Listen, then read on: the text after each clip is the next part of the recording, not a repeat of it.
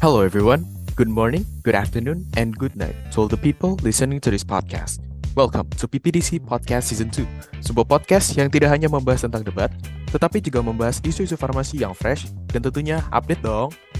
Halo semuanya, akhirnya kita balik lagi nih di PPDC Podcast Season 2. Halo, bagaimana nih? Udah kangen ya nungguin episode 3? Jelas dong Ras pada nungguin, karena kita akan selalu menyajikan podcast dengan isu kefarmasian yang sedang hangat nih di Indonesia.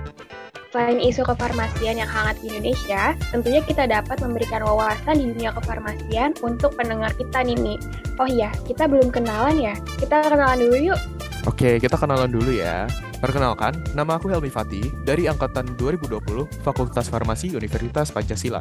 Perkenalkan, aku Larasati Rahmadi Hardianti dari Angkatan 2020 Fakultas Farmasi Universitas Pancasila.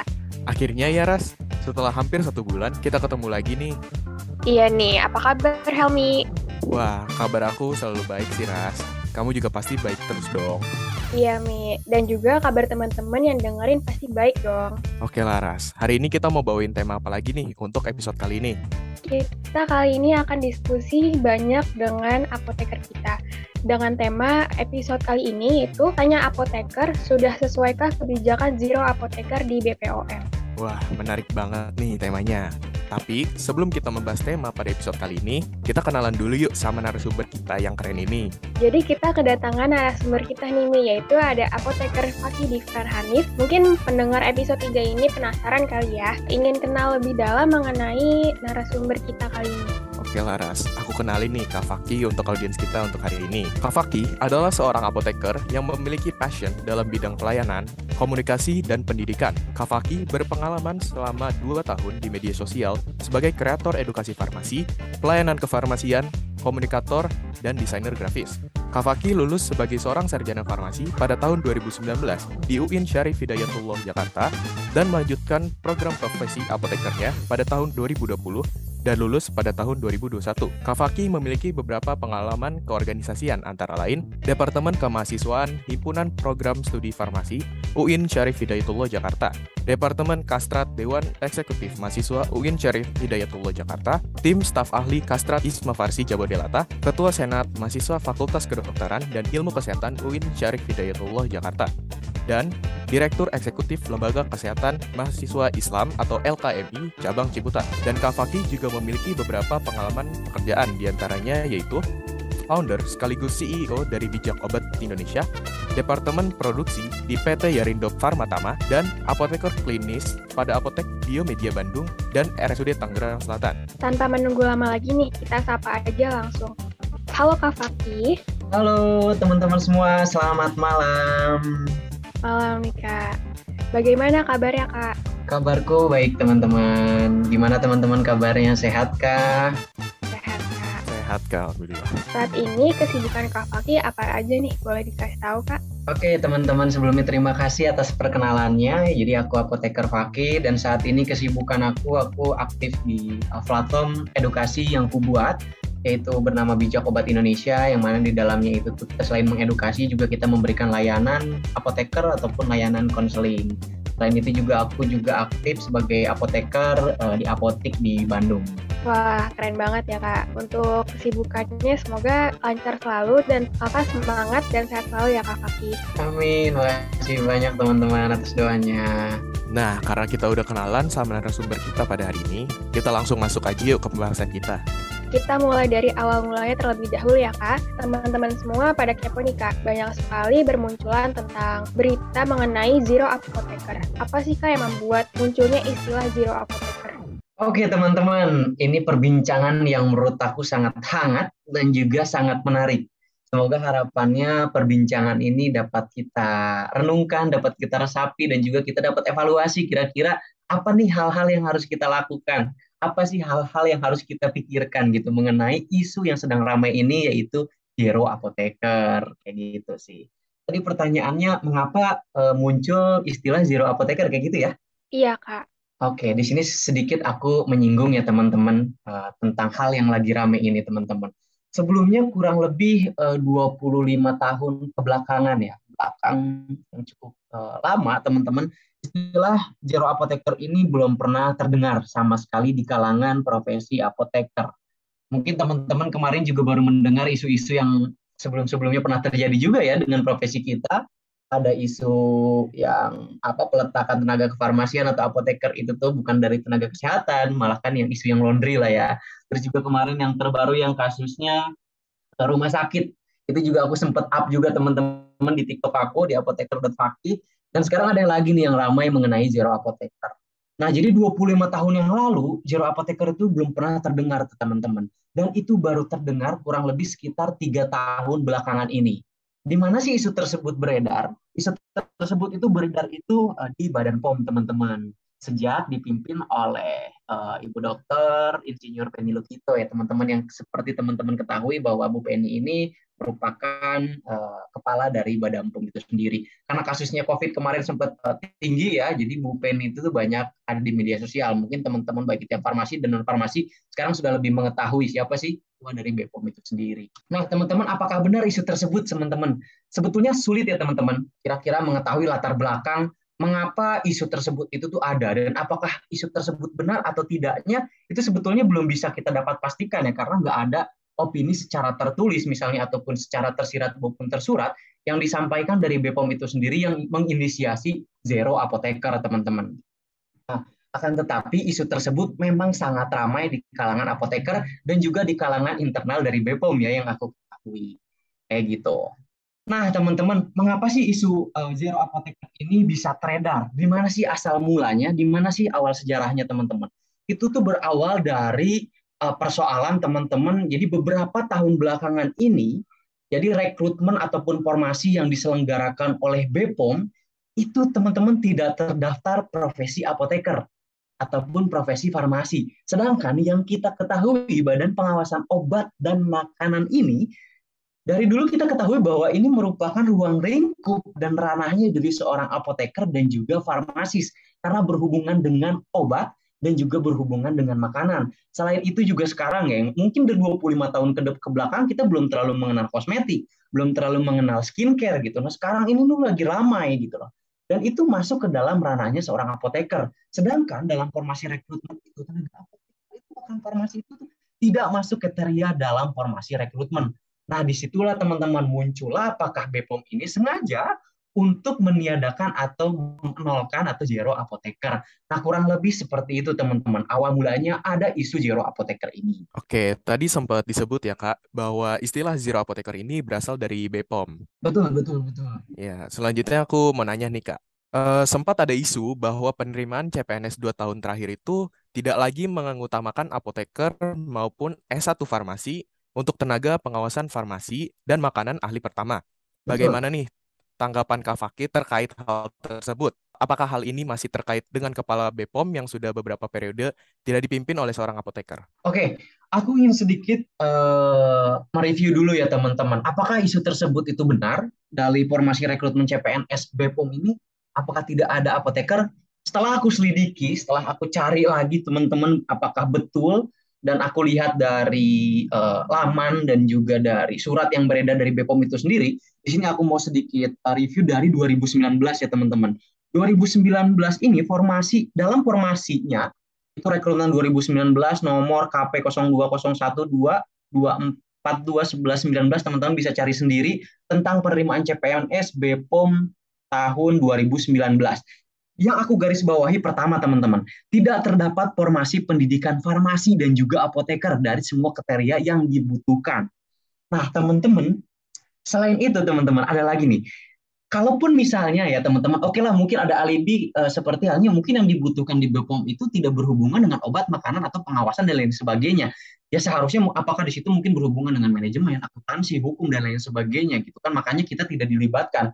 Tetapi yang menjadi catatan aku, kenapa di situ ada nih teman-teman ya, yang dibutuhkan itu seperti halnya teman-teman kimia, terus juga eh, apa sih eh, dari eh, apa biologi, terus juga ada kesehatan masyarakat dan juga ada lagi eh, teknik pangan dan lain sebagainya. Nah, yang menurut aku tuh ya hal tersebut juga emang seharusnya profesi apoteker pun masuk di situ gitu loh. Tapi ini kenapa tidak ada teman-teman? Itu yang menjadi catatan. Dan ironis ya teman-teman. Yang ketiga teman-teman, adalah yang menandatangani surat ataupun keputusan dari dan ketua panitia rekrutmen ini merupakan seorang apoteker teman-teman.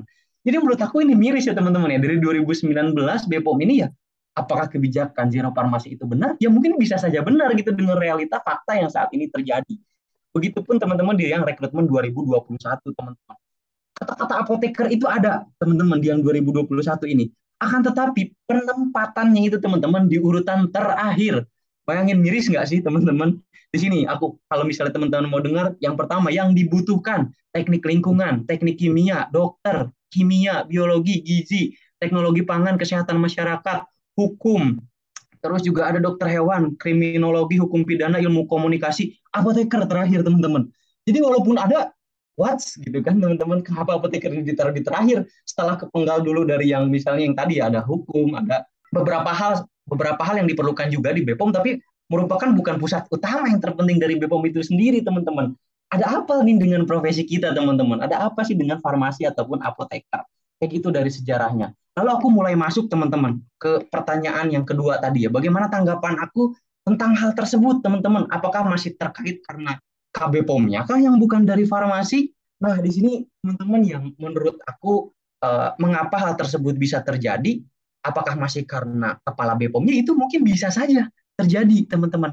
Karena kenapa? Yang pertama, jujur ya teman-teman ya, sentimen organisasi ataupun sentimen profesi di mana pun kalian berada itu pasti saja terjadi teman-teman seperti itu nah makanya jadi hal ini kenapa zero apoteker itu bisa saja terjadi mungkin saja ada pengaruh dari kepala institusi yang memimpin dari organisasi tersebut gitu loh. Makanya eh, makanya ya mungkin apoteker ini ya dikesem, dikesampingkan gitu loh. Terus teman-teman yang sangat mirisnya lagi ya teman-teman. Selain uh, sentimen uh, profesi ya teman-teman. Yang harus menjadi catatan teman-teman menurut aku politik itu yang harus teman-teman eh, garis bawahi. Kenapa teman-teman kepala Bepom ini bukan dari seorang apoteker? Kenapa apoteker itu sekarang itu dikesampingkan atau bisa dihilangkan jadi zero apoteker? Yang paling berpengaruh itu adalah perpolitikan. Teman-teman juga harus terbuka wawasannya, teman-teman juga harus jangan menutup mata akan perpolitikan. Karena ketika teman-teman itu ingin berpengaruh, teman-teman ingin memberikan kontribusi yang nyata, kepemimpinan ataupun stakeholder yang tertinggi, stakeholder yang paling bermenang, itu kita harus terjun di situ, harus ikut ambil di situ teman-teman. Sehingga kasus-kasus yang seperti ini, sehingga hal-hal seperti ini, isu-isu ini itu tidak akan pernah terjadi. Begitupun mungkin bisa saja teman-teman ketika misalnya masuk BPOM profesi BPOM itu harus apoteker, itu mungkin bisa saja terjadi apabila misalnya kita memegang Bepom itu gitu loh. Tapi kita juga harus mengevaluasi apakah ya ketika hal-hal yang emang bukan kita, buang ring, buah, buah apa bukan ruang lingkupnya seorang apoteker yang kita harus berikan kepada profesi lain kayak gitu loh. Nah, tetapi kita juga harus menempatkan profesi kita sesuai dengan tanggung jawab kita harus ada di mana kita, teman-teman. Kayak gitu. Jadi menurut aku apakah terkait dengan kepala BPOM-nya ya itu mungkin bisa-bisa saja dan sah-sah saja ya, teman-teman. Karena wajar ketika ada sentimen profesi ataupun perpolitikan yang ada dua lingkup di dalamnya itu tuh bisa saja terjadi itu menurut aku. Baik, menurut Kak Fakih, mengapa apoteker direkomendasikan untuk menjadi ketua BPOM? Lalu bagaimana dengan dokter dan sarjana lainnya seperti sarjana teknik lingkungan yang menjadi perdebatan pada isu ini? Oke, teman-teman. Uh, mengapa apoteker itu direkomendasikan ya teman-teman ya? Menurut aku, Hal tersebut sangat wajar dan sudah seharusnya itu terjadi teman-teman. Karena luang lingkup dan juga pekerjaan yang menjadi core dalam BPOM itu sendiri merupakan basicnya itu tuh kita akan selalu membahas tentang obat-obatan, kita akan selalu membahas tentang makanan mungkin, kita akan selalu membahas tentang kosmetik, herbal, obat-obatan tradisional dan sebagainya. Yang mana teman-teman dari aspek keilmuan dari aspek profesi, legalitas hingga sumpah itu tuh seharusnya tuh merupakan seorang tanggung jawabnya profesi apoteker. Makanya wajar saja dan itu harus terjadi bahwa apoteker itu harus direkomendasikan untuk menjadi kepala bagian dari BPOM itu sendiri. Lalu bagaimana kak dengan dokter ataupun sarjana yang lainnya teman-teman? Hal tersebut menurut aku bisa saja terjadi dengan kondisi perpolitikan ya teman-teman. Jadi yang namanya politik itu tuh dinamis teman-teman. Jadi walaupun teman-teman basic ilmuannya ada di situ, tapi teman-teman itu tuh tidak pandai berpolitik, tidak bisa ikut bermain politik, ya bisa saja kewajiban dan tanggung jawab yang seharusnya kita pegang, yang harusnya kita miliki, itu malah diambil oleh profesi yang lain. Seperti halnya dokter, ataupun misalnya yang sekarang terjadi sarjana teknik lingkungan, kayak gitu ya bisa saja terjadi, walaupun dari aspek ilmuwan, mungkin ya seharusnya kita yang berada di situ gitu loh teman-teman. Jadi menurut aku kita juga harus mengevaluasi ya teman-teman ya seharusnya kita ada di situ, tapi kenapa kita tidak ada di situ, teman-teman? Coba nanti kita bahas, kita pikirkan, kita renungkan. Lalu, seperti yang sudah kita bahas sebelumnya, bagaimana pendapat Kak Fakih mengenai kebijakan zero apoteker yang terjadi di Indonesia? Oke, teman-teman. Aku juga uh, mau bahas lagi ya, teman-teman, terkait uh, anggapan aku lagi nih ya, kebijakan zero apoteker. Dengan pemaparan aku yang tadi sudah aku sebutkan, jelas aku sangat tidak setuju dengan kalaupun kebijakan zero apoteker ini bukan kebijakan yang tertulis dan belum tentu emang betul ya adanya ya teman-teman. Tapi kalau emang itu betul teman-teman, baik itu tersirat maupun tersurat, jelas aku sangat tidak setuju.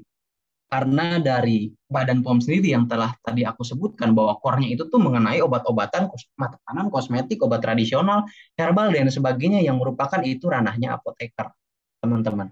Jadi mungkin mungkin benar teman-teman ada istilah mungkin teman-teman juga sering baca tentang kasus ini bahwa belum tentu teman-teman ketika misalnya ya eh, apa sih eh, apoteker yang memegang BPOM ini belum tentu apa sih akan benar-benar baik teman-teman ya gitu ya. Belum tentu apoteker ini yang memegang bakalan sukses gitu. Tapi aku yakin gitu apabila orang lain di profesi apoteker yang belum mengetahui dari segi aspek keilmuan, dari aspek ranah dan tanggung jawabnya, ya apakah itu bakalan jauh lebih baik dari yang seharusnya apoteker yang ada di situ, teman-teman? Kan itu juga sangat jauh belum tentu gitu loh. Makanya menurut aku kebijakan zero apoteker ini seharusnya ya tidak terjadi, teman-teman. Tetapi kita juga tidak bisa hanya menyalahkan mengapa zero apoteker ini ada, mengapa zero apoteker ini terjadi. Kita juga tentu harus mengevaluasi, teman-teman. Kira-kira mengapa hal ini bisa terjadi? Apakah ada salah dalam dalam profesi kita?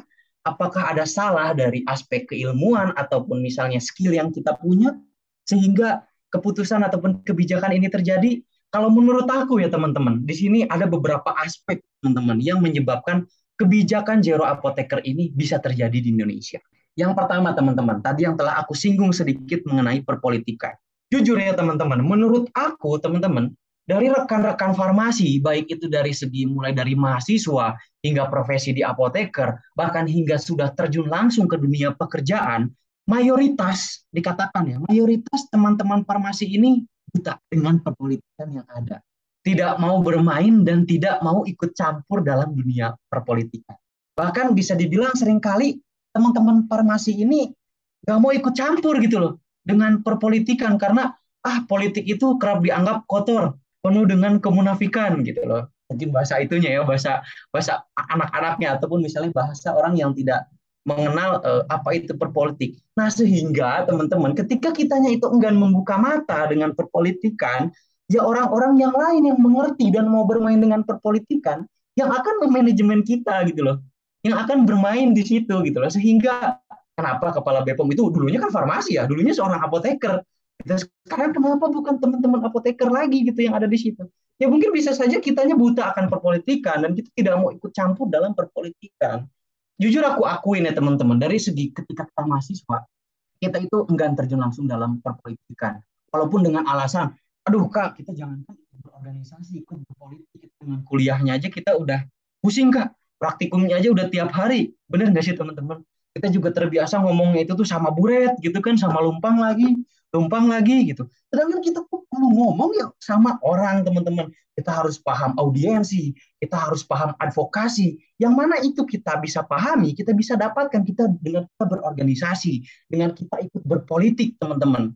Mungkin teman-teman banyak ya, jarang banget teman-teman. Beda halnya ketika teman-teman misalnya di program studi misalnya ilmu politik gitu yang mau basic politik.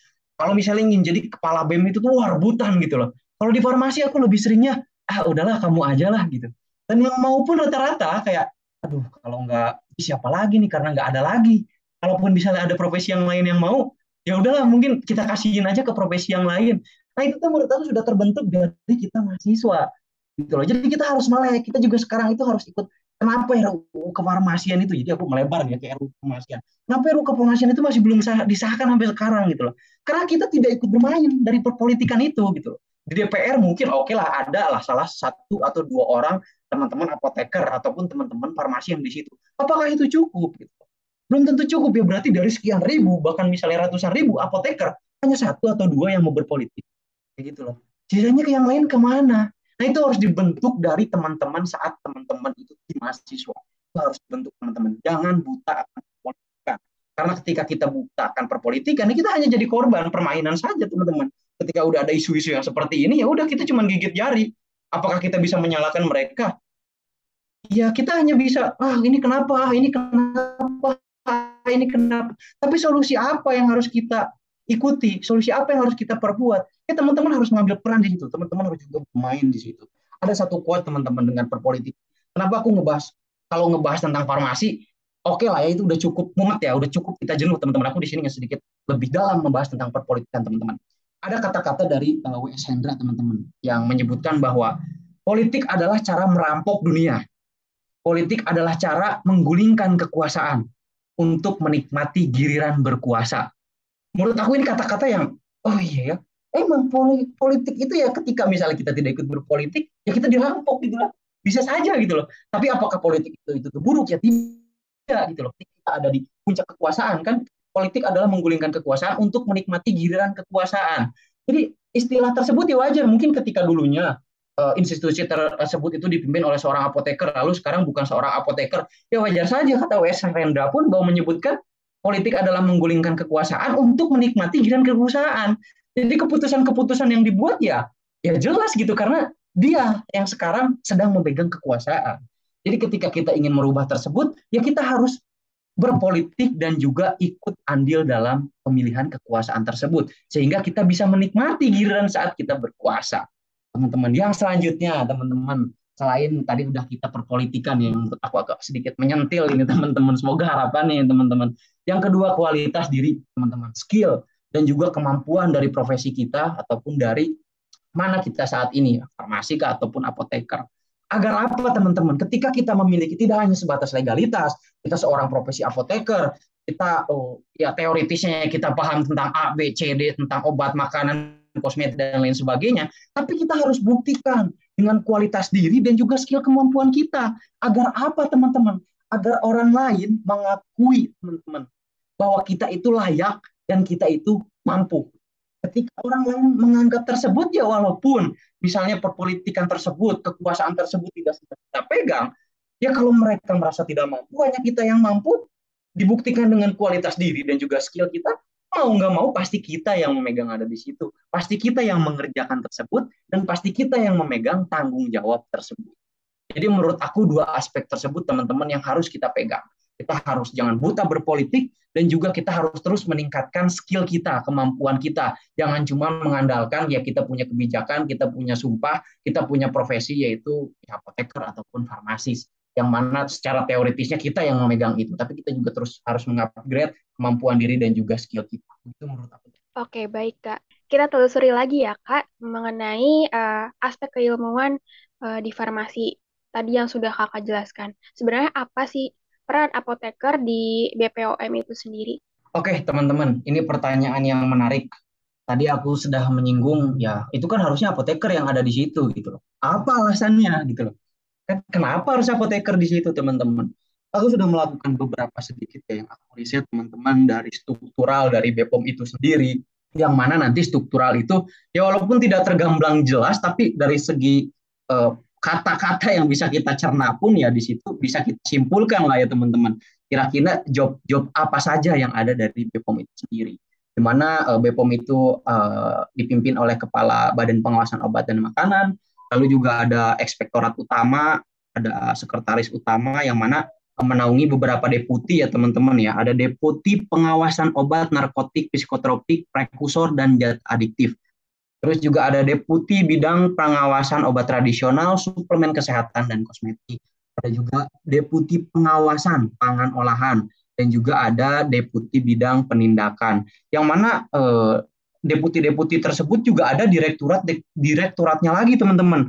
Kayak misalnya deputi yang bidang pengawasan obat, narkotik, psikotropik, prekursor dan adiktif. Ada standarisasi obat, narkotik gitu kan. Terus juga ada direktorat registrasi obat yang mana terus juga ada direkturat pengawasan produksi obat, narkotik, psikotropik, ada direkturat pengawasan dan distribusi obat, direktorat pengawasan keamanan mutu gitu.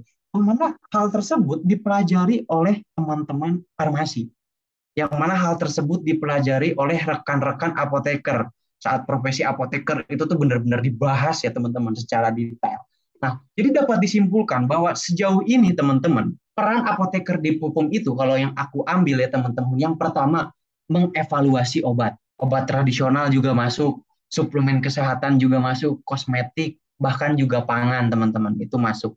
Terus juga apoteker juga memiliki peran mengawasi obat yang beredar di pasaran ya diawasin ini tuh untuk apa ya kita juga kan perlu tahu apakah obatnya itu tuh uh, asli atau palsu kadarnya itu sudah sesuai ada penyimpangan kah tidak di situ indikasinya sudah sesuai apakah ada misalnya itu tuh zat-zat yang berbahaya yang seharusnya itu tuh tidak ada dalam obat tersebut yang mana keilmuan tersebut itu tuh ya kita gitu yang paham ya teman-teman nah jadi yang aku garis bawahi teman-teman di BPOM itu kita juga dari segi aspek legalitas kita melegalitas atau misalnya itu tuh uh, registrasi ya obat-obatan, kosmetik, makanan gitu loh. Itu tanggung jawab yang pertama. Terus juga standarisasi ya obat juga perlu standar gitu. Bahkan kemarin ya vaksin pun gitu ya perlu standar agar lolos BPOM gitu kan. Terus obat A, B, C, D gitu itu juga uh, perlu uh, legali apa ya perlu standarisasinya gitu agar memiliki efektivitas yang sama. Itu yang uh, tugas yang kedua. Lalu juga ada juga uh, tugas produksi ya. Tentunya ya makanan, suplemen, herbal semuanya juga perlu diproduksi. Dan itu harus ada standarisasi yang jelas gitu. Dan itu juga tugas dari seorang profesi kita ataupun tugas dari BPOM itu sendiri. Lalu juga pengawasan ya setelah uh, obatnya itu tuh jadi harus kita awasi apakah yang sudah didaftarkan itu sama yang beredar itu sama apa tidak gitu kan. Uh, lalu juga selain itu juga distribusi itu juga penting ya. Mungkin teman-teman farmasi udah tahu lah ya adanya CPOB, adanya CDOB, terus juga adanya CPKB dan lain sebagainya. Jadi ranah ruang lingkup eh, apa ya profesi apoteker ataupun farmasis ini di BPOM ini sangatlah banyak, sangatlah penting dan sangatlah krusial teman-teman kayak gitu sih. Oke, tadi udah disinggung nih beberapa peran-peran apoteker di BPOM dari mengevaluasi, produksi, kemudian ada pengawasan, distribusi, dan segala macamnya. Dari peran-peran yang udah dijelasin oleh Kak Faki tadi, Menurut Kak Fakih, apakah ada profesi yang dapat melaksanakan tugas-tugas tersebut selain apoteker? Mungkin bisa dijelaskan lebih lanjut, Kak. Oke, teman-teman. Pertanyaan yang menarik. Kalau dilihat ya teman-teman dari aspek pekerjaan gitu kan yang dilakukan, menurut aku bisa saja gitu ada yang melakukan selain apoteker. Karena sudah pasti pekerjaan tersebut itu tuh ya sudah memiliki SOP. Jadi ketika apakah pekerjaan tersebut bisa dilakukan oleh apoteker, ya mungkin bisa saja bisa saja orang-orang yang tidak memiliki keilmuan di situ juga tinggal baca SOP-nya apa yang harus dikerjakan itu kan menganalisa yang langsung dikerjakan gitu ya mungkin bisa saja itu dilakukan dan mungkin bisa saja sudah terjadi juga ya teman-teman. Tetapi yang memiliki hak dan juga tanggung jawab jelas haruslah seorang apoteker teman-teman. Yang sudah pasti memiliki aspek keilmuan yang tadi telah aku bahas aspek legalitas teman-teman dan juga sumpah profesi. Sehingga mampu menjalankan tugas dan tanggung jawab yang sesuai. Mungkin orang lain yang mungkin misalnya non profesi apoteker ataupun non farmasis yang tidak diikat oleh sumpah, ya bisa saja melaksanakan pekerjaan itu. Tapi apakah ada jaminan teman-teman bahwa pekerjaan tersebut itu dijalankan sesuai, dijalankan dalam aspek keilmuan gitu kan dan tanggung jawabnya yang bakalan dipenuhi. Itu harus kita pertanyakan gitu loh ya kita nggak usah menampik lah ya yang disumpah aja bisa saja melanggar apa saja yang apalagi yang tidak disumpah jadi menurut aku apakah pekerjaan tersebut bisa dilaksanakan oleh selain apoteker bisa dilaksanakan? Tetapi yang harus melaksanakan yang memiliki hak dan tanggung jawab haruslah seorang apoteker. Seperti itu Baik, dari tanggapan Kak Faki, kita jadi tahu nih pendapat langsung dari apoteker mengenai isu kebijakan zero apoteker. Lalu bagaimana dampak yang terjadi ketika kebijakan ini terus dilaksanakan? Dan langkah apa yang bisa kita lakukan sekarang ini sebagai calon farmasis dan apoteker? Oke, ini pertanyaan yang menurut aku merangkum sebuah kesimpulan ya teman-teman ya, yang luar biasa teman-teman. Nah, aku jawab coba uh, pertanyaan yang pertama ya. Tadi ada beberapa pertanyaan. Dampak ya teman-teman yang bisa terjadi gitu kan. Kira-kira apa sih teman-teman? Oke lah kita ketahui teman-teman bahwa uh, adanya lembaga yang otoritas dan juga tanggung jawab serta aspek kerjanya itu tuh untuk mengawasi ya kita badan pengawasan gitu kan dari namanya itu mengawasi gitu. Tapi banyak juga gitu yang terjadi eh, akhir-akhir uh, ini atau beberapa tahun ke belakang dan juga itu terus berulang kasus-kasus misalnya itu obat-obatan palsu, kasus-kasus misalnya eh, obat herbal yang tidak terstandar gitu kan yang misalnya menggunakan ternyata menggunakan hmm, apa sih senyawa obat-obatan gitu loh ataupun misalnya ada makanan yang kandungannya itu tuh misalnya perwarna pakaian ataupun boraks dan lain sebagainya gitu loh. Nah, itu kan masih terus eh, terjadi gitu. Nah, kira-kira ketika misalnya kebijakan ini berlaku gitu kan, apa yang akan terjadi gitu. Menurut aku kasus-kasus hal yang serupa itu akan semakin meluas lagi, teman-teman. Kasus-kasus penyalahgunaan obat gitu kan. Kasus-kasus obat yang tidak sesuai dengan standar yang seharusnya. Kasus-kasus misalnya kosmetik yang mengandung bahan-bahan berbahaya itu akan semakin marak teman-teman ketika zero apoteker karena kenapa teman-teman apoteker lah yang memiliki aspek keilmuannya di situ gitu dan teman-teman lah apoteker lah yang diikat oleh sumpah gitu kan yang harus uh, yang menjadi apa ya keharusan dalam profesi gitulah itu yang udah menjadi sumpah kita bahwa kita harus menghilangkan hal itu Gitu loh. Kita harus meminimalisir hal-hal tersebut itu bisa terjadi. Gitu loh. Memang teman-teman tidak ada jaminan bahwa ketika uh, regulasi ini atau BPOM ini dijalankan oleh apoteker yang sudah misalnya terintegritas, yang sudah ter, apa terintegritas akan tetapi misalnya memiliki moralitas yang rendah gitu teman-teman. Ya ada saja ya oknum-oknum dari apoteker juga misalnya yang memiliki moralitas yang rendah. Itu tidak bisa kita pungkiri gitu. Tapi aku yakin teman-teman akan jauh lebih remuk, teman-teman, lebih hancur jika ditangani mereka yang tidak berkompeten, gitu loh, tidak profesional, dibarengi dengan integritas dan moralitas yang tidak sesuai ataupun rendah. Jadi ketika misalnya oke okay lah apoteker misalnya ada yang tidak berintegritas, ada yang moralitasnya rendah gitu, tapi kan tetap memiliki kompeten, tetap memiliki aspek keilmuan gitu loh. Nah, gimana dengan orang lain gitu loh? Ya berarti orang lain juga ada yang memiliki moralitas dan integritas yang rendah gitu loh. Terlebih lagi tidak memiliki kompeten, tidak memiliki apa ya aspek keilmuannya yang di situ gitu. Jadi menurut aku akan jauh lebih rendah jika zero apoteker ini uh, terjadi. Dan yang selanjutnya teman-teman, langkah apa sih yang bisa kita lakukan sebagai calon farmasis, sebagai uh, calon apoteker teman-teman? menggarisbawahi yang tadi telah aku sampaikan bahwa kita harus terlibat, kita harus belajar teman-teman dalam dunia eh, apa ya yang sebetulnya terjadi gitu loh teman-teman. Jadi kita juga jangan hanya bergelut dalam aspek teoritis teman-teman. Mungkin kita mengejar IPK ya saat dunia perkuliahan gitu. Aduh karena susah kak gitu kan. Apa sih uh, pelajarannya susah praktikumnya banyak gitu. Mau nggak mau kita harus belajar belajar belajar belajar terus. Yang aku rasakan teman-teman saat dunia pekerjaan ilmu yang kita uh, pelajari di dunia perkuliahan itu tuh sedikit banget yang bisa kita terapkan ya teman-teman. Makanya kita juga di situ harus mengevaluasi itu oh berarti tidak hanya pelajaran saja kita tidak hanya misalnya berkutat dengan ya, akademik ataupun IPK saja gitu Tapi kita juga harus melek gitu. Kita juga harus aktif berorganisasi sehingga skill komunikasi yang minimal kita bisa terasah.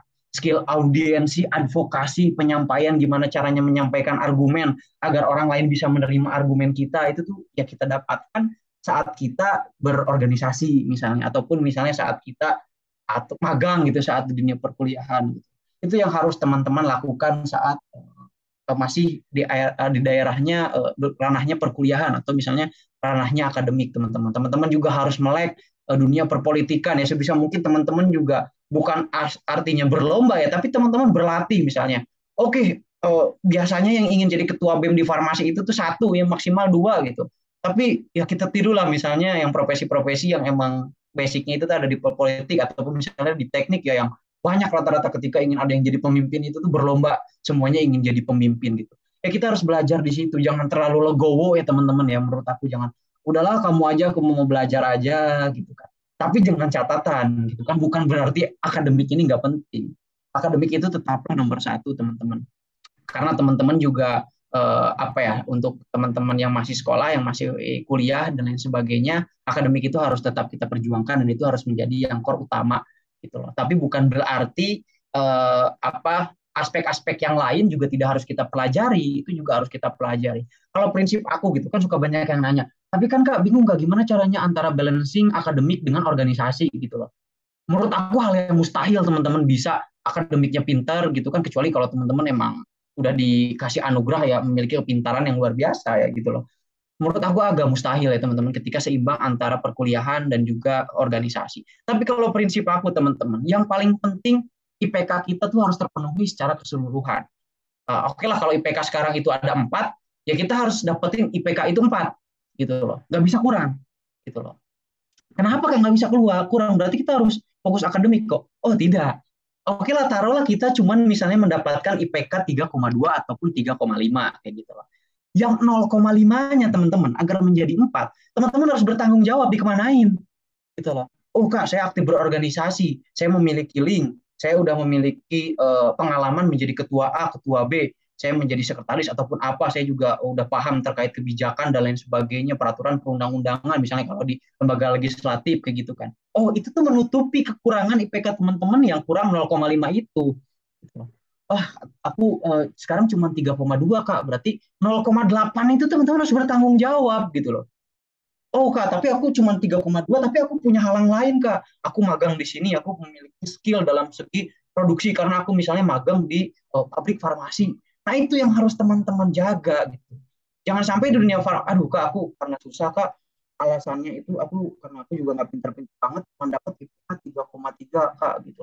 Sisanya ke mana? Kalian ikut organisasi? Kalian udah paham ini, paham itu? Enggak kak gitu.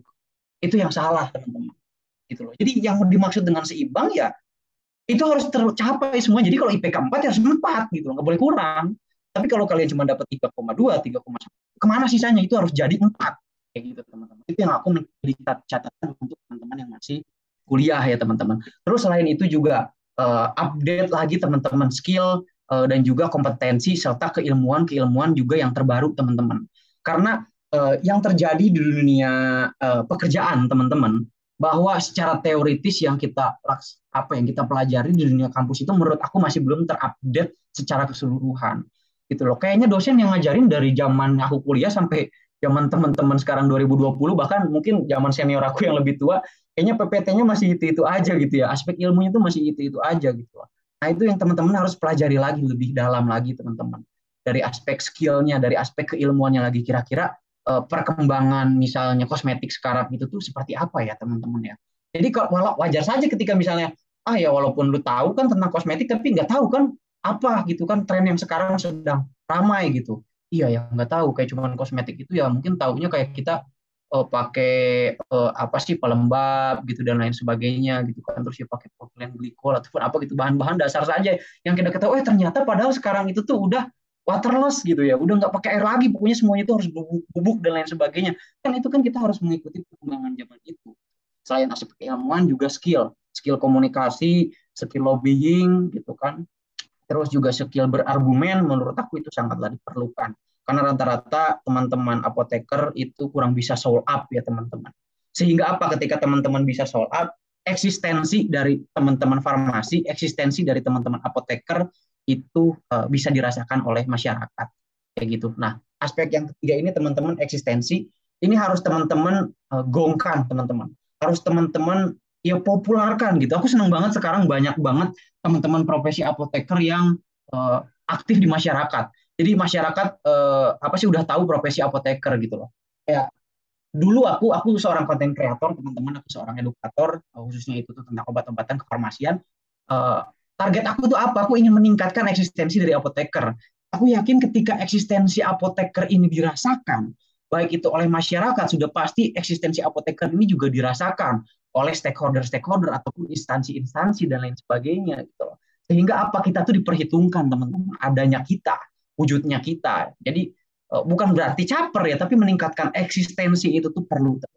Kita berkontribusi dengan masyarakat uh, apoteker itu tuh sangat dirasakan peranannya oleh masyarakat. Jadi ketika ada yang menyinggung profesi kita, yang marah itu nggak cuma profesi kita saja gitu loh, tapi orang-orang yang ngerti kita, yang tahu kita, yang merasakan adanya kita, yang merasakan perannya kita itu tuh bisa ikut bersuara juga gitu loh. Sehingga dorongannya itu misalnya untuk menggolkan RUU farmasian atau misalnya menghilangkan kebijakan-kebijakan ataupun misalnya isu-isu yang seperti ini, ya itu tidak akan terjadi lagi, teman-teman. Itu sih uh, apa ya saran dari aku. Semoga ini juga tidak hanya untuk teman-teman saja hal ini yang bisa teman-teman lakukan, tapi ini juga menjadi uh, motivasi aku untuk jauh lebih lagi meningkatkan eksistensi meningkatkan skill aku dan juga memperluas jangkauan perpolitikan dan keadaan, membaca keadaan apa sih yang sebenarnya terjadi di dunia yang nyata, teman-teman.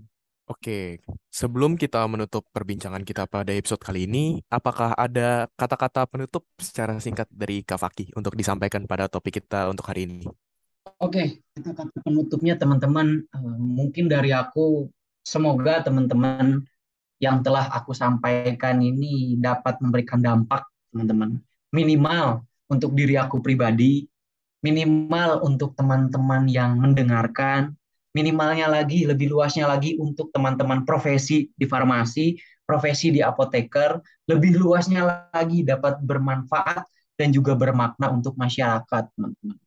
Sehingga apa teman-teman profesi kita tidak disepelekan lagi. Menurut aku kasus-kasus isu-isu yang terjadi yang menyinggung ranahnya farmasi ataupun apoteker adalah menyepelekan profesi apoteker. Teman-teman. Ya kita juga ini tidak hanya kita cuma bisa berargumen ketika ada isu baru kitanya ramai gitu. Enggak, tapi kita juga harus membangun sebuah konsep, membangun sebuah step by step agar meningkatkan kualitas dari profesi kita. Selain itu juga kita juga harus memiliki komitmen yang sama memiliki tujuan yang sama, teman-teman tidak berjalan sendiri-sendiri antara organisasi profesi, teman-teman yang ada di profesinya sendiri, rekan-rekan mahasiswa, organisasi mahasiswa yang menaungi nama farmasi, yang menaungi nama apoteker ya semuanya bisa sejalan, bisa satu suara, bisa memiliki targetan-targetan yang dicapai bersama, teman-teman, dan saling menguatkan. Karena uh, jujur kita berkaca dengan profesi-profesi yang lain, mungkin profesi rekan sejawat kita, mungkin teman-teman yang dokter gitu kan, teman-teman yang perawat, aku akui mereka jauh lebih kompak. Gitu loh, itu nggak bisa kita menutup mata ya. Semoga ini menjadi sentilan untuk kita teman-teman. Ya kita harus bisa lebih kompak lagi gitu loh. Minimal kita tiru kekompakannya atau kita lebih tingkatkan lagi kekompakan kita teman-teman. Jangan egoistis uh, memikirkan diri sendiri teman-teman. Satu yang aku menjadi catatan Eh, kenapa aku uh, misalnya memberikan edukasi, kenapa aku membawa nama apoteker, kenapa ingin meningkatkan apoteker. Uh, kalau aku pribadi aku ingin membawa apoteker ini menjadi apa ya?